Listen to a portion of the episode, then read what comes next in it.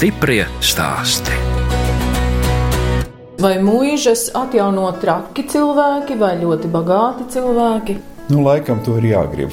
Tas ir mūsu dzīves stils, un eh, ar mūžu naudu nopelnīt nevar bet viņi var sakārtot un baudīt. Materiāli tas ir vairāk ieguldījums nekā iegūms, un viena paudze noteikti to nevar atpelnīt. Es domāju, ka droši vien arī mazliet trakiem cilvēkiem ir jābūt. Nu, katrā ziņā ir eh, nu, ļoti, ļoti jāmīl šī vieta, un šis darbs bez darba jau arī nav tas rezultāts. Ja tu gribi kaut ko skaistu un kaut ko labi izdarīt, tad tur būs noteikti darbs jāiegulda. Tā par vienu no senākajām mazajām mūžām zemgalē, Bērķenes mūžas atjaunošanu, stāsta Ilze un Aldis Melgalvji. Es, žurnāliste Daina Zalamane, šoreiz ciemojos Jāgavas novada Vilces pagastā, kur Melgauju ģimene pirms 15 gadiem nopirka vecu laukakmeņu māju, kur padomu laikos bija izveidoti desmit dzīvokļi. Lēnām, nesteidzoties, viņi šo īpašumu ir atjaunojuši, un pirmos viesus uzņēma tikai pirms diviem gadiem. Šogad pagrabstāvā atvērts arī neliels spā centrs, un arī pati mūža, kas ir arhitektūras piemineklis, ir neliela un mājīga. Izrādās, abi saimnieki kādu dzīves posmu bija saistīti ar Jālgavu. Ilze studēja Latvijas lauksaimniecības universitātē, bet Aldis dzimis Jāgavā. Jālgavā dzīvoja līdz 8. klasē skolā, gāja Jālgavā bija dārsts veids upes krastā, kur kopā ar vecākiem visas brīvās dienas, vakarus, vasaras pavadījām. Nu, tagad ir atkal sveicis upes krastā, tikai pārdesmit km augstāk. Padomu laikā, tad, kad bija jāizvēlās starp vēsturēm, filozofijām un matemātiku, tad tas baltais, melnais likās tāds vairāk pieņemams. Pēc beigšanas uzreiz sāku strādāt universitātē, tad kopā ar profesoru Buļķi mēs dibinājām gan Matemātikas institūtu, gan Zinātnes un dialogu centru pie Zinātņu akadēmijas. Tā kā viņš bija vairāk zinātnieks, tad man vairāk bija vajadzīga tā saimnieciskā puse organizēt. Tad tur arī sākās viss tā mana noslēdz uz nekustamiem īpašumiem vairāk. Katram jau dzīvē, acīm redzot, ir tā sava vieta, un viņi jāatrod. Un Mēs vairāk vadāmies pēc tā, ka jādara tas, kas patīk. Un tad bieži teikt, ka tas īstenībā nav darbs. Katrā ziņā visu, ko es studējot, mācot matemātiku, esmu apgūstis, tā visa domāšana, matemātika, fizika, bez tā šeit neko nevarētu izdarīt. Mūža pirmā, bet īpašums gan nav pirmais, gan mēs paši esam sākuši ar mazu dzīvokli Purciemā, kas bija pirmais, ko mēs attīstījām. Tā bija māja jūrmalā, un mēs atjaunojam mazu zvejnieku mājiņu Melnužos, gan iz jūras krastā. Kokēku? Kokēku, jā. Tā ir vecā jūrmālas apbūve, celta ap 920. gadu, un mēs viņu arī kā ziemas māju atjaunojām. Pilsē jūs gan esat rīzniece? Jā, dzimusi augas rīzniece. Purciema meitene. Kāpēc tāda izvēle? Jūs esat maiturības skolotāja. Interesēja kaut kas tāds radošs, bet arī nebija tik attīstīts tas mākslinieckais gars. Nu, nebija jau nemaz tik daudz to izvēļu.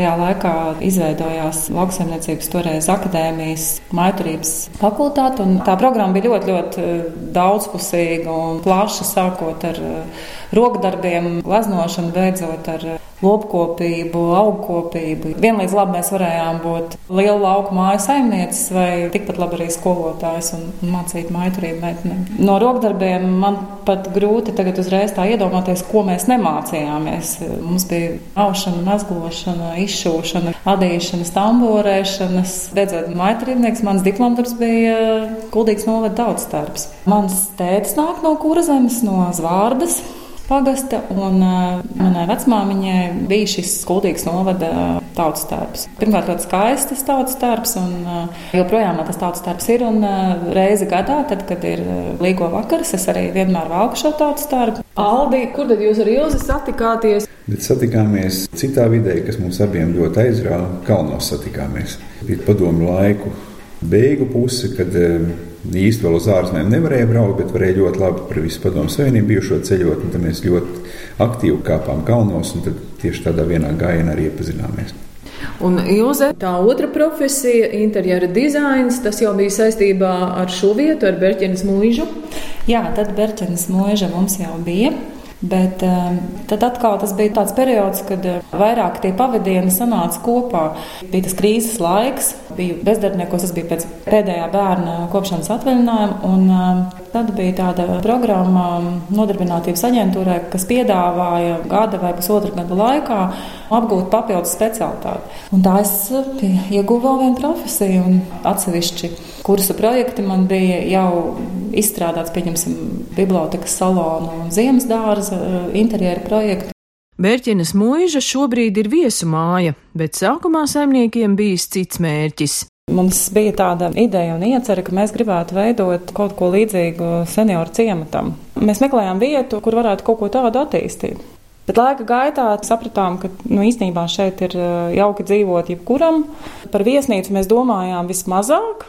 Nosolījāmies viens otram, ka mēs šeit nekad netaisīsim viesu namu, bet mūs uz to pamudināja nu, mūsu draugi, paziņas, kas šeit brauc, un paši sev par lielu pārsteigumu atklājām, ka eh, mums ļoti patīk. Tas darbs, sarunas ar cilvēkiem, viesu uzņemšana, aptekalēšana ja, un tādas lietas. Un šis kungu nams ir vietējais nozīmes arhitektūras piemineklis. Tas nozīmē, ka jebkura darbība mums ir jāsaskaņo ar pieminekļu pārvaldi.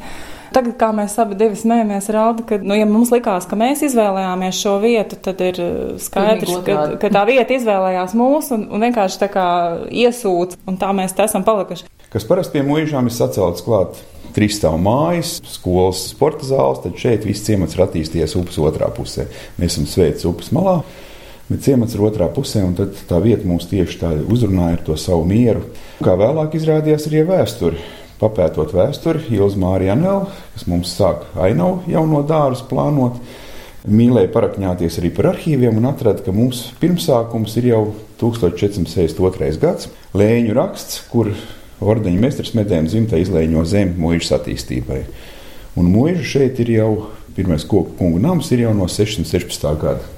550 gadu laikā tā attīstība bijusi ļoti dažāda. Mūža ir pirkta un pārdota neskaitāmas reizes. Nu, tas ir kopā bijis ap 30 īpašniekiem, 230 gadi ir medējumi dzimti šeit saimniekojis, bet ļoti dažādi brālēni māsītes, tur otrās, trešās pakāpes. Šī bijusi saimnieciska mūža, lauksaimnieciska vienība, varētu teikt. Un nekad viņa nav bijusi medību pils vai baļu vieta, vienmēr tāda saimnieciska mūža. Un 921. Eh, gadā, kad mūža agrārajā reformā tiek sadalīta 56 jaunsaimniecībās, tad mūža gandrīz 3000 hektāru liela.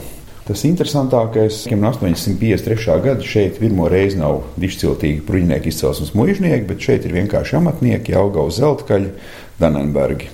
Tas, kas mums šajā vēstures stāstījumā pašiem patīk un viesi interesē, ir mūžs pārvaldnieku dienas grāmata, ko mums pirms 12 gadiem pārvaldnieku mazmeita atved. Un, dienas grāmata ir rakstīta par laiku, ko pārvaldnieks šeit pavadīja no 892. līdz 96. gadam. O, latviski! Latvijasiski, jā, Jānis Burkevits, Latvijas būdams, ar kungiem runājis vāciski, ar mūža ļaudīm latviešu, strādājis Krievijā, krivlot pārvaldījis, nu, tāds kāds īsts latviečs. Un simts lapas pusēs visos sīkumos ir aprakstīts, kas šeit notiek. Gan saimniekošana, gan augu seka, kā tiek noteikti, gan kā ēkas izvietots, gan arī visādi anekdotiski gadījumi, kas šeit ir bijis. 921. gadā, kad šeit mūža tiek sadalīta jaunsaimniecībās, atnāk Latvijas ordeņa kavalieris saņem kā dāvinājumu no valsts šo saimniecību. Virslietnants Roberts Poga pēc otrā pasaules kara tūlīt, kad šeit ir nodibināts kolekcijas Ziedkalni, tad bez viņu ģimenes vēl viena ģimene tiek iemitināta. Nu, un tad, kad attīstās kolekcijas, tad šeit jau ir desmit dzīvoklīši, desmit ģimenītes dzīvo. Un tā tas turpinās nu, līdz pat mūsu atnākšanai, kad pēdējā ģimene vēl šeit dzīvo. Nu, diemžēl arī izmanto grīdas kurināšanai un durvis, ja tā, kad mēs ienākam jau tādā nu, diezgan tukšā vietā. Bet ko jūs te redzējāt? Fotogrāfijā veca māja ar diezgan bēdīgu jumtu. Tas, ko mēs ieraudzījām, ir šī bilde. Ar dīķi. Jā, Tātad veca, kārtīga lauku māja, laukakmeņa mūris, 80 cm biezs, nu, jumts tur tāds bišķi ieliecies. Saimnieks stāsta, ka ļoti veiksmīgi izvērtusies sadarbība ar arhitektu Pēteri Blūmu. Mēs sākām tieši ar klētiņu, tāpēc ka klētiņa nav piemineklis, tad, nu, tur nav arī tik stingri tie nosacījumi. Un, tā, protams, bija vienkārši no nu, laukakmeņa siena. Bija tāda doma, ka vajadzētu kaut kā vairāk gaismu šai telpā ielaist, ka vajadzētu to logu. Bet iepriekš jau mēs bijām brīdināti, ka arhitekts ir nu, ļoti stingrs un ļoti principiāls. Mēs pat neuzdrošinājāmies viņam teikt, ka mēs gribētu to logu. Un tad viņš nāca pats ar tādu, kā viņš saka, ķecerīgu domu, ka vajadzētu pa visu to sienu taisīt logu. Un tas bija tāds brīdis, kad mēs sapratām, jā, Šis būs mūsu arhitekts, jo mēs esam uz, uz viena viļņa. Tā mums arī sākās tā sadarbība tieši ar šo logu. Un pusloka tās logās nav nekas neparasts, ne šai vietai, ne, ne vispār. Mūžu no tādā arhitektūrā. Stiprie stāsti.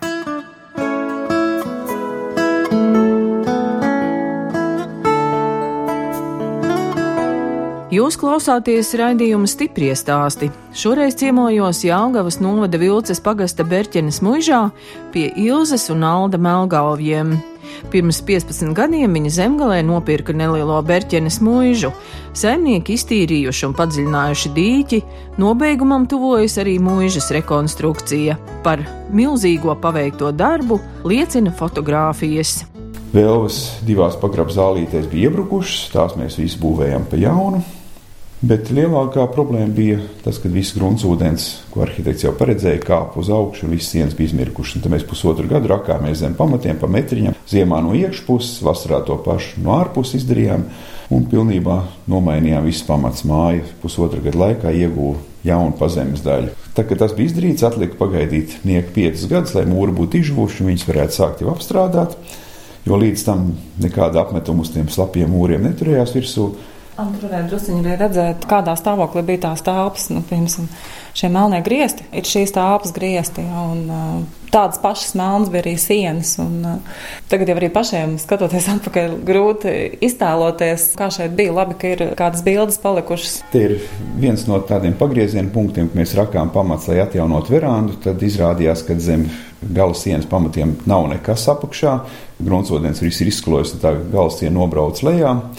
Nu, tajā brīdī, kad viss prasa, vai jums nenolaidās rokas, mēs tā īsti nesapratām, ko tagad darīt, ja māja brūk kopā. Bet arī tajā dienā, kad mēs piezvanījām blakus esošajai ceļu būvniecības firmai, viņi bija gatavi uzreiz iedot ekskavātoru, kas to visu iztīrīja. Nākošā rītā atveda betonu iepumpēju, un māja atkal bija nostiprināta. Un tad mēs sapratām, ka māja mums palīdz šo visu sakārtošanu. Nevis tikai mums pašiem viss jāizdomā, bet vienmēr ir arī katrā problēmā ir kāds risinājums. Un, Un pat varbūt labi, ka tas notika tajā brīdī, kamēr vēl nebija sienas nokrāsotas, kamēr nebija logi ielikt iekšā. No jauna uzbūvētas kāpnes uz otro stāvu, kur atrodas piecas viesu guļamistabas. Te bija ļoti stāvus kāpnes, jo mūžas eh, laikā kungi dzīvoja pirmā stāvā, un augšā bija divas istabas kalpiem. Tad tās kāpnes bija jāuztais tāds smukāks uz otro stāvu. Tad mums Pēters Blūms uzprojektēja kāpnes, kas atbilst tā laika būvniecībai, bet tomēr ir no jauna veidots. Un no kāda koka tad ir kāpnes? Kāpnes ir pakāpieni ar ozolu un lentešu mūžā pārējais ir priedi. Tas, ar ko mēs visvairāk patiešām lepojamies, tās detaļas vai lietas, kuras varēja saglabāt, mēs esam tiešām centušies visu saglabāt. Un tās ir tās uh, jumta koku konstrukcijas, un uh, šeit arī jūs redzat, tā saucamais krēsls, kas tur visu jumta konstrukciju, ir oriģinālais, vecais, tieši tajā vietā, kur viņš arī bija. Vairāk vai mazāk pāris sijas ir savās vietās, tikai vairs šobrīd nepildu to nesošo funkciju, bet vairāk kalpo kā tāps interjeras. Tie koki ir vienkārši nomazgāti. Piemēram, šeit griezti ir, tie nekad nebija redzami. Tie dēļi bija citā vietā, viņi bija pirmā stāva pārsegumos, bet virsū bija kaļķa apmetums veidots, un mēs notīrījām un sapratām, ka tie dēļi ir ļoti skaisti. Tieši tāpat arī mums ir stāsts par šo ēdama istabas iekārtu, kuru mēs noskatījāmies arī, varētu teikt, pavisam netīšām Zviedru antikvariāta izsolē. Šī mēbele tiešām ir īsta. Tā ir 930. gadā veidotas mēbeles, kur divi zviedru brāļi. Viens ir valnieks, un otrs ir mākslinieks, kurš apglezno. Šīs mēbelītes ir tikai vienā eksemplārā. Mums bija šī telpa sen jau gatava un nācās gaidīt, bet tas brīdis pienāca. Un, un tagad mēs smejamies, ka nu, tās mēbeles vienkārši arī laikam gaidīja to brīdi, lai nokļūtu šeit Latvijā, kur viņas ir taisni kā radītas šai vietai un pilnīgi organiski šeit iekļaujās. Mums ir durvis tapušas kā kopija no vienām durvīm, kas nebija nokurināts, bet bija sienā ar tapetēm aplīmēts. Tāpēc nebija pamanīts, acīm redzot, un pirmā stāva durvis ir šādā veidā izveidots no jauna. Izvēlējāmies toni, kas iepatikās no vēsturiskiem toņiem jābūt tādam olīva zaļam. Gribējām dzīvot laukos, bet komforta līmenim bija jābūt noteikti labākam nekā Rīgā. Tas šeit ir realizēts. Mums ir zemes siltumsūknis, kas ir iztīrīti tajā dīķī ievietotas kolektora trubas, un viss ap, apkurinās ar, ar zemes siltumu, bet tajā pašā laikā mums ir trīs kamīni, kas dod dzīvo uguntiņu, kas gan mums pašiem, gan viesiem ļoti patīk. Un tos kokus, kas nokrīt kurinām kamīnā, šī ir neliela tātad bijusī klētiņa, padomu laikā šeit bija kūtiņa, tāda pussabrukus, un tagad šeit ir viesības zālīte. Nu, varam noiet vēl uz pagrabstām. Divas vecās vēlmes, kas mums nobruka galvā, ļoti labi redzēt, kādas viņas kādreiz ir izskatījušās. Un tagad ir vienā ierīkotā atpūtas zālīte, kur var pēc pirtiņas, pēc basēna pasēdēt, relaksēties. No otrā ir burbuļvanna. Šis arī ir vecais pagrabs. Un vienīgais, ko mēs šeit būtībā esam izdarījuši, ir nomazgājuši, nokrāsojuši uh, sienas un griestus. Un smejamies, ka uh, cilvēki pat nevar iedomāties, ka vēl trīs gadus atpakaļ mēs šeit kartupeļus glabājām, tagad, kur mums ir tā burbuļu vana. Bērķenes mūžā strādā celtnieki nevis no zemgales, bet no Vēncpils. Maldīgs priekšstats, ka būvniecība laukos ir lētāka un vienkāršāka. Īstenībā viss ir otrādi. Ir laukos īsti, kas strādā, nav. Būvmateriāli jāved no pilsētas, tad tas process ir daudz sarežģītāks. Kādu, kas kaut ko izdara, vēl varētu atrast kādu palīgu strādnieku, bet tā, ka mums vajadzēja šo vēsturisko ēku atjaunot, tad eh, jau pirmā prasība bija, ka darba vadītājiem bija jābūt ar restaurātoru licenci. Arhitekts Pēters Blūms mums sapazīstināja ar saviem celtniekiem, kas bija Ventspils pils restaurācijā piedalījušies, un viņi bija priecīgi, ka ir kaut kas līdzīgs atkal viņu specialitātē vairāk un atbrauc apstījās sāk strādāt. Gan mēs, gan viņi bijām apmierināti. Tā vēl šodien, tas jau ir 11. gads, kad turpinās viss šī sadarbība. Jā, mēs laikam vispār esam diezgan konservatīvi. Ja esam atraduši kādus labus amatniekus, tad eh, nu, esam pie tā arī turējušies. Nu, piemēram, tur, kur mēs pasūtām logus un durvis, viņi taisa ļoti kvalitatīvi, vienmēr arī atrod tos risinājumus, tāpēc, ka mums gandrīz nekad nav tāda standarta risinājuma. Šī vecā ēka, tas nav tā, tu ieej būvmateriālu veikalā un uh, attiecīgi izvēlies durvis, tur tik un tik platas, tik un tik augstas. Jā, un jā, tas durvis arī ir gan uz vienu pusi veramas, gan nu, jebkas, gandrīz jebkas, kas ir šeit, nu nav nekāds standarts. Tas nozīmē, ka mums lielākā daļa visas lietas ir pēc pasūtījums. Mēs esam laikam vienreiz mēģinājuši kaut ko mainīt, nu, ar domu atrast kaut ko lētāku. Maigi sakot, iegrāvušies, un tad sapratām, ka tomēr. Kopējais maksā divreiz. Jā, neparvēlti ir šis teiciens. Cik jums ir darbinieki tādi pastāvīgi? Nu, mēs kopā pastāvīgi esam četri darbinieki. Ieskaitot mani, ieskaitot Aldu. Palēmējās, un eh, viens kaimiņš, kas sākumā sāk nākt pie mums prasīt darbu, ilgstoši bezdarbnieks, un mēs nošāvām divus zaķus. Pieņēmām viņu šajā bezdarbnieku nodarbinātības programmā, kur valsts pirmajos divos gados palīdz ar daļu no algas, ja tā var teikt, daļai nodokļu samaksā. Un Nu, viņš ir iegūmis darbu, un tagad jau pastāvīgi jau otro gadu stabili strādā. Nevienu brīdi nav nokavējis, visu laiku ļoti precīzi nāk, un viņam dzīve arī, es domāju, ka daļai mainījusies. Un, un savukārt otra sieviete, kas eh, atbrauc no īrijas, ka bija jāizšķirās, vai bērns ies īrijā skolā vai šeit Latvijā skolā arī tepat vietējā ciematā dzīvo. Un, nu, mums ļoti labi, kad ir tepat blakus, un no otras puses arī vietējiem labi, kad ir vieta, kur, kur saņemt darbu. Divi mūsu mazie Eiropas projektiņi tieši to ietvēra, ka mums ir papildus darbietas jārāda, un tad mēs esam tieši divas darbietas arī radījuši vēl klāt. Rēķināt to naudu, cik algās jāmaksā un projektos startējat? Mēģinām kaut kā visu savākt kopā. Un, Jo šī ēka jau, protams, prasa, ēka prasa ļoti daudz, daudz ēka. Paprasījusi visu, ko mēs savā dzīves laikā esam nopelnījuši, uzcēluši. Tas viss ir pārdots un ieguldīts šeit. Un Tad mēs bankām prasījām naudas, tad bankas teica, parādiet vienu gadu, ka jums viesnīca strādā peļņu laukos, tikai tad mēs dosim naudu. Bet nu, tā, mums bija šie Eiropas projekti, mums vajadzēja naudu, par kuriem uzcelt, lai pēc tam nu, jau divas nedēļas atpakaļ Eiropa mums ir atmaksājusi atpakaļ daļu no naudas. Bet tajā brīdī mums ļoti palīdzēja finanšu institūcija Altums kas ieraudzīja, novērtēja to, ko mēs šeit darām, un piešķīra naudu. Un šajā gadā vēl iedos vēl vienu kredītu, lai mēs varam pabeigt visus šos atlikušos darbus. Stiprie stāsti.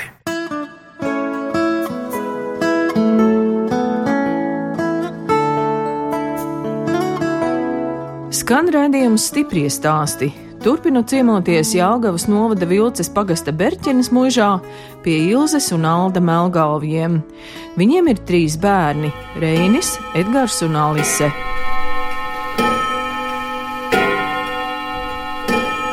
Kad mēs šeit sākām braukt tajās vasarās un darboties, tad arhitekts mums teica, tā, vai jūs apzināties, ka jūsu bērni uzaug būvlaukumā?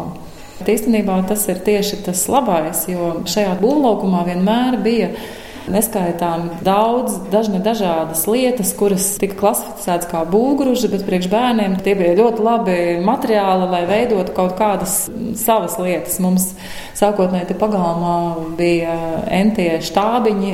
Viņš ļoti lepns vada mums tagad rādīt, ka tas štābs ir uzbūvēts. Tētis uzreiz saka, ka tev nav pareizi šeit konstrukcijas. Tas, ko dara būvniecībā, vajag tos krustus sataisīt. Nākamā dienā skatāmies, jā, viņš ir atradis dēļus, tos krustus klāt. Tad, kad jau brālis kaut ko atkal mēģināja darīt, tad viņš jau sāka pamācīt brāli, ka tur ir vajadzīgi tie krusti, lai būtu tā stabilitāte, tā konstrukcija nesagāstos pie pirmā vēja pūtiena. Lielais dēls mums tieši apzinās, tagad, nu, studējot arhitektūru, viņš arī teica, ka vismaz zina un saprot, kas ir sija, kas ir spāri, kur tas atrodas, kas ir kolonna vai kaut kas tāds, jo viņš visu to šeit ir redzējis. Nu, vecākais dēls, laikam pateicoties visai šī mūsu dzīvei, būvniecībā, studēja Nīderlandē arhitektūru.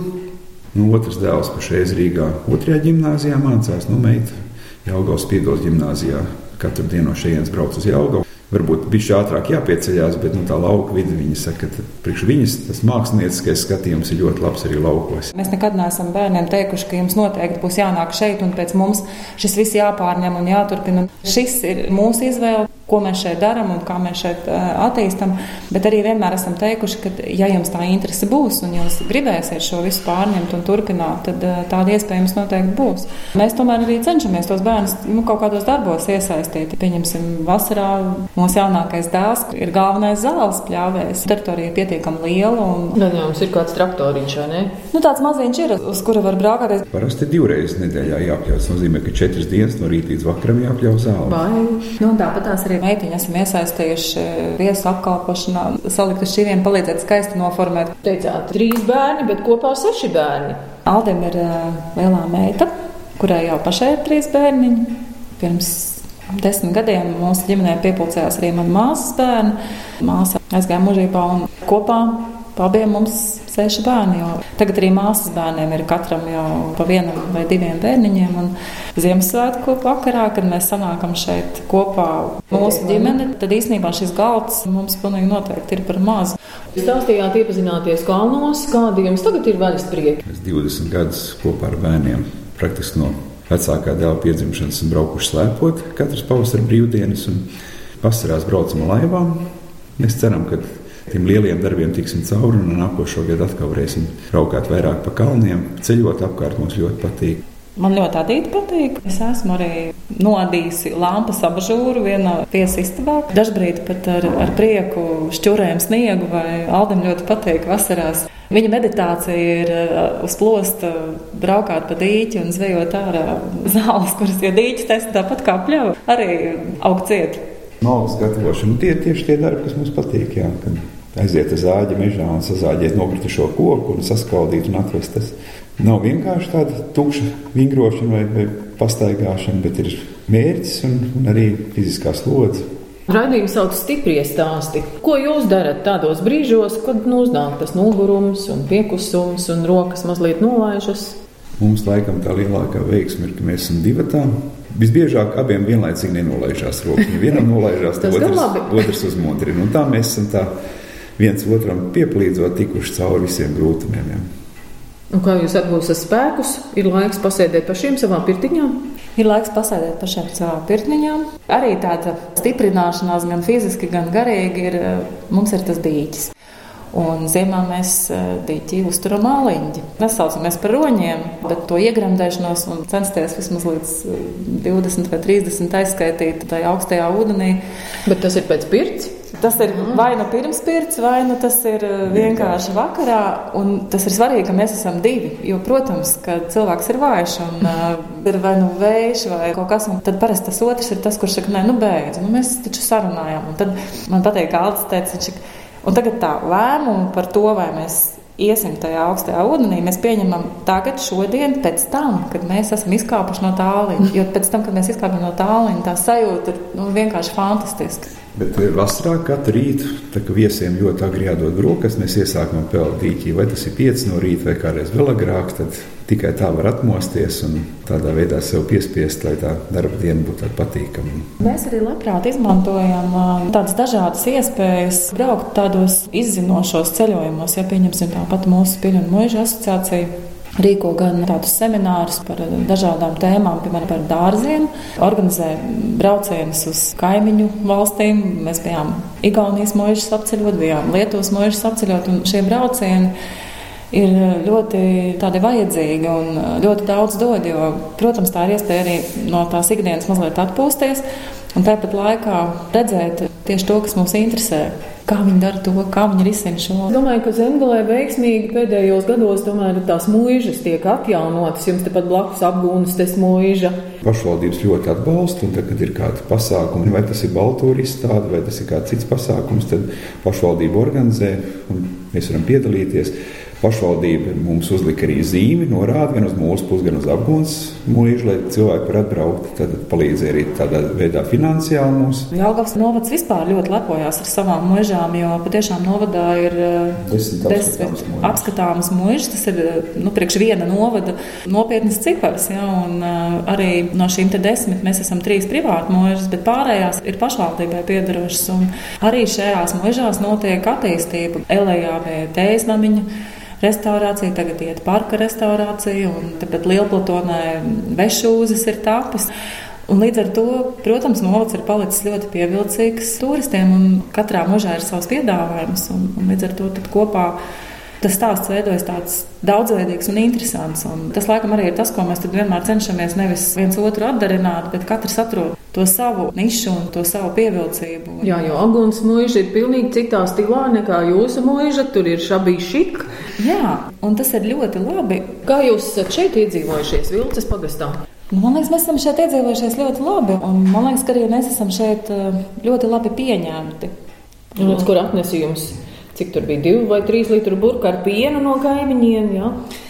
Laikam tie bija tie pirmie kaimiņi, ar kuriem mēs iepazināmies, kuriem bija gotiņa, kuriem bija kādas saknes, kāds zaļumiņš. Nu, pirmkārt, mēs paši to ēdam, un mēs arī cenšamies viesiem piedāvāt to, kas ir svaigs no dārza. Ja, un, ja mums pašiem dārzā nu, šogad nekas neizauga, tad eh, laimīgā kārtā ir kaimiņi, kur ir eh, spējuši gan salaistīt, gan, gan, gan izaudzēt kaut ko. Un, Tas labums ir mums, kad mums ir tie tīrie ekoloģiskie produkti, garšīgie. Un kaimiņiem atkal ir labums, ka tomēr viņiem ir nu, kāds finansiāls atbalsts. Kaimiņos dzīvo, kā mēs viņu saucam, par puķīlzi, kas lielākoties visus mūsu puķus ir izaudzējis, palīdzējis iestādīt. Bet, tā, kad viesis atbrauc, ir ceļš pavasarī pusē un ieraudzīja tās puķis, tad nu, katrs otrais brauc pie viņas iepirkt savus stādus. Bez puķiem mēs nevaram. To laikam bija ievērojuši arī uh, Rundāls pilsēta dārznieki un vaicāja, vai mēs būtu ar mieru pieņemt milzu eņģeļu tauras. Sakarā ar to, ka viņiem mainījās tiem augiem ekspozīcija, tad viņi mums uzdāvināja milzu eņģeļu taurus. Bija karsta vasara, un uh, tās ir viens riktīgs dzērāja puķis, un, un tā laistīšana un visa šī aprūpe. Bet tās puķis deva tādu prieku un tādu efektu, un visas tās rūpes atalgoja ar tik bagātīgu ziedēšanu, un oktobrī uzziedēja vēlreiz vienkārši fantastiski. Un, un cilvēki brauc un brīnījās. Un, protams, mēs arī paši par to priecājamies, gan par to spēcīgo smaržu, gan par tiem skaistiem ziediem. Un, kad es prasīju, vai jūs vīnu negatavojat, jūs teicāt, jums te ir divi vīna darītāji. Nu jā, mums ja? arī nav tāda nepieciešamība, jo visi nevar darīt visu. Katram tomēr ir kaut kāda joma, kas viņam vairāk padodas, un, un ir jādara tas, ko tu vari darīt, un kas tev padodas. Citas lietas ir jāļauj darīt citiem cilvēkiem, kas viņiem labāk padodas. Tad savstarpēji nu, jāsadarbojas. Jo vairāk dalies, jo vairāk cilvēku nāk, un, un vairāk tiem cilvēkiem ir interese. Un, ko līdz kaut kas sāk notikt vienā vietā, tad tie viļņi jau aiziet tālāk, un tas labums tiek nu, visiem visriņķī apkārt. Ja, tā ir tā, teiksim, tā lielākā vērtība - dalīties. Un, un iesaistīties. Un, daudz ko var izdarīt un daudz ko var sakārtot. Un tas, protams, prasa līdzekļus, bet uh, tas prasa arī tādu izpratni un patiesībā darbu un lielu vēlēšanos. Bet, ja tas viss kopā ir, tad uh, var brīnumu lietas paveikt. Un, uh, lielākajai daļai ir vajadzīgs tieši tas iedrošinājums, ka viss ir iespējams. Redījums stipri stāst izskan, un mēs atvedāmies no Jālgavas novada Vilces pagasta Berķenes mūžas saimniekiem Ilzes un Alda Melgalviem. Viņi pirms 15 gadiem nopirka vecu laukakmeņu ēku, kurā bija ierīkoti desmit dzīvokļi, un šo ēku padarījuši par mūžas vārda cienīgu. No jums atvedās žurnāliste Daina Zalmana un operātore Inga Bēdele, lai tiktos atkal tieši pēc nedēļas. Stiprie stāsti.